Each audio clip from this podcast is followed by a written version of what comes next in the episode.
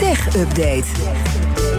Met Stijn Goosens vandaag. Hey Stijn. Goedemiddag. Ja, BlackBerry was niet eens genoeg voor de tech-update. Zo lijken ze tegenwoordig nog. Dan uh, voor de zomer zullen de snel, snelle 5G-verbindingen geveild gaan worden onder telecom-providers. Hier in Nederland, ja. In Nederland. Ja, want de demissionair minister van Economische Zaken en Klimaat, Mickey Adriaanses, die heeft daarover in een brief geschreven in de Tweede Kamer. Aan de Tweede Kamer. Ja, eind vorige maand besloot namelijk de rechtbank van Rotterdam dat de bezwaren die er waren tegen het frequentieplan ongegrond waren. En daarmee komt uh, de weg nu vrij voor een veiling en uiteindelijk ook in gebruikname van de nieuwe frequenties op 1 augustus 2024. Mhm. Dus over een half jaartje ongeveer deze zomer. En het gaat dan om de 3,5 gigahertz band. Want ja, we hebben eigenlijk allemaal al 5G op Ja, onze telefoon. Tenminste, dat staat op mijn telefoon. Precies, maar ja, er is een belofte dat 5G supersnel zou moeten zijn. En de eh, ja, 5G wat we nu op onze telefoon hebben is de 700 megahertz band. En die is eigenlijk niet eens heel veel sneller dan wat 4G was. Nou, eh, om die snellere 5G-netwerken wel nodig te maken, hebben we dus de 3,5 vi- eh, gigahertz band. Maar daar zaten nu nog altijd eh, andere gebruikers op. En die moesten eerst weg. En dat is nu ja, heel lang wachten eindelijk eh, gebeurd. En dus in februari komen de eerste veilingregels eh, Die zaten daar uiteindelijk. dan op eigenlijk. Eh, ja, dat is een, eh, een satellietverbindingsnetwerk, eh, eh, maritiem. Eh, en die moeten nu ook helemaal naar Griekenland verhuizen. En waarschijnlijk, want het is niet bekend wie de bezwaren maakte... maar waarschijnlijk zijn zij ook een van de partijen die bezwaar Ja. maakten. En nou, dat is allemaal uit de weg. Dus in 1 fe- 1 februari komen de veilingregels online. En daarna start dan de aanvraagprocedure... eh, waarbij eh, eh, telecomproviders kunnen inschrijven. Eh, dan wordt eerst eh, bepaald hoeveel er dan van het spectrum... bij welke provider komt. En daarna nog, een tweede veiling... wordt bepaald welk deel dan van het spectrum... voor welke provider is. En uiteindelijk in de zomer eh, kunnen, ja, kunnen we dus snellere 5G gaan verwachten. Leuk. Iets om naar uit te kijken in 2024. Ja. Dat is toch fijn. De gemeente Amsterdam wil alleen nog nieuwe datacenters goedkeuren... als het daar zelf ook belang bij heeft. Ja, en de reden die de gemeente eh, aangeeft voor die eh, aanscherping is dat er gewoon beperkte ruimte is in Amsterdam. Dat klinkt heel logisch. Sinds november is er zelfs al een gehele aanmeldingsstop voor een heel jaar voor nieuwe datacenters in, in het gebied. En het college van burgemeesters, eh, burgemeester en wethouders die eh, heeft nu aangegeven dat ze alleen nog toestemming gaan geven voor datacenters als Amsterdam daar zelf een direct belang bij, eh, bij heeft. Eh, en er lopen op dit moment nog wel acht aanvragen. En alle andere bestaande plannen die er nu zijn, die vallen allemaal onder de oude regeling. Een nieuw beleid ligt nu ter inzage bij de gemeenteraad. En het zal dan in het tweede kwartaal volgend jaar eh, mogelijk ingaan. En in 2019 werd de bouw ook al stilgelegd van datacenters in Amsterdam. Dat kwam door een tekort op het elektriciteitsnet.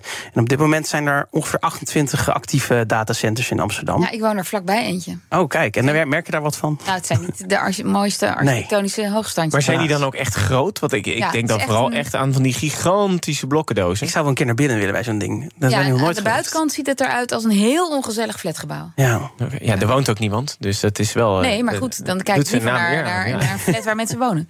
Maar een direct belang voor Amsterdam, wat houdt dat in? Ja, dat vroeg ik me ook af. En de gemeente die geeft daar een voorbeeld bij. Die zegt eh, bijvoorbeeld als er een datacenter verplaatst moet worden naar een andere plek. Omdat er dan op die plek waar het datacentrum stond eh, eh, woningen gebouwd kunnen worden. Dus dat is dan een direct belang voor de gemeente. En dan mag er dus een nieuw datacentrum gebouwd worden. Nou, dus de regels zijn dus sowieso al aangescherpt sinds 2019. Mag bijvoorbeeld alleen nog maar op locaties gebouwd worden waar al datacenters staan. Dus de, je nieuwbouwwijk zal dan waarschijnlijk ook naast zo'n datacenter komen.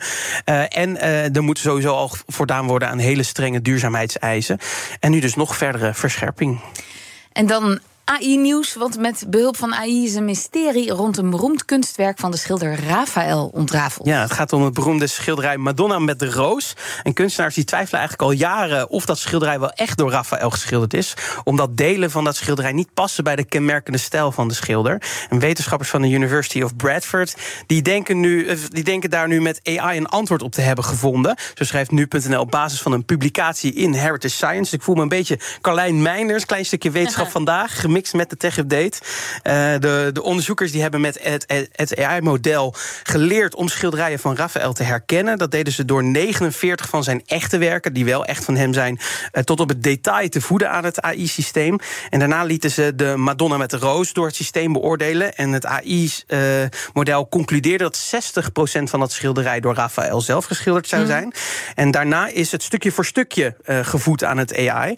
En daarbij kwam aan het licht dat bijvoorbeeld het gezicht van Sint-Jozef op het schilderij niet door Raphaël geschilderd zou ah, zijn. Dat was de stagiair bijvoorbeeld. nou ja, of op, op latere momenten misschien aangevuld. en op zich was dat ook wel wat de kunstkenners al vermoeden. Maar ja, of we dan dat AI dan op zijn woord moeten gaan geloven, dat is ook nog maar de vraag. Maar het is wel, wel een mooi idee. Dat ja, dat het zo kan. Er zijn sowieso... de 15e eeuw wordt dan nu getackeld door AI. Ja, ja, sowieso. Technologie en kunst, dat gaat echt hand in hand samen hoor. Het is echt fantastisch. Dankjewel, Stijn Goosens. De BNR Tech Update wordt mede mogelijk gemaakt door Lenklen. Lenklen. Betrokken expertise, gedreven resultaat. Bij BNR ben je altijd als eerste op de hoogte van het laatste nieuws. Luister dagelijks live via internet. Jelle Maasbach. Wesley Weert. We zijn er voor je met het leukste, opvallendste, maar natuurlijk ook het belangrijkste nieuws. Tijdens de presentatie van die halfjaarcijfers toen die beurskoers in elkaar kukkelde. BNR Beurs. Voor de slimme belegger. Blijf scherp en mis niets.